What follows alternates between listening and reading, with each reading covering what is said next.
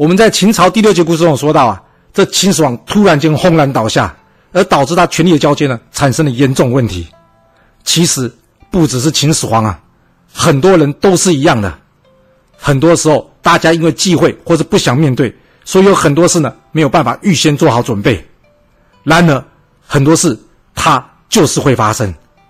远的来说，比方订立遗嘱；而近的来说呢，比方说我们的工作。你觉得这个工作难道没有一定的寿命吗？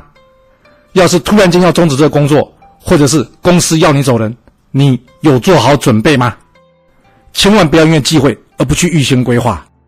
明知这一天明明会到来，所以还是做好准备会比较好的。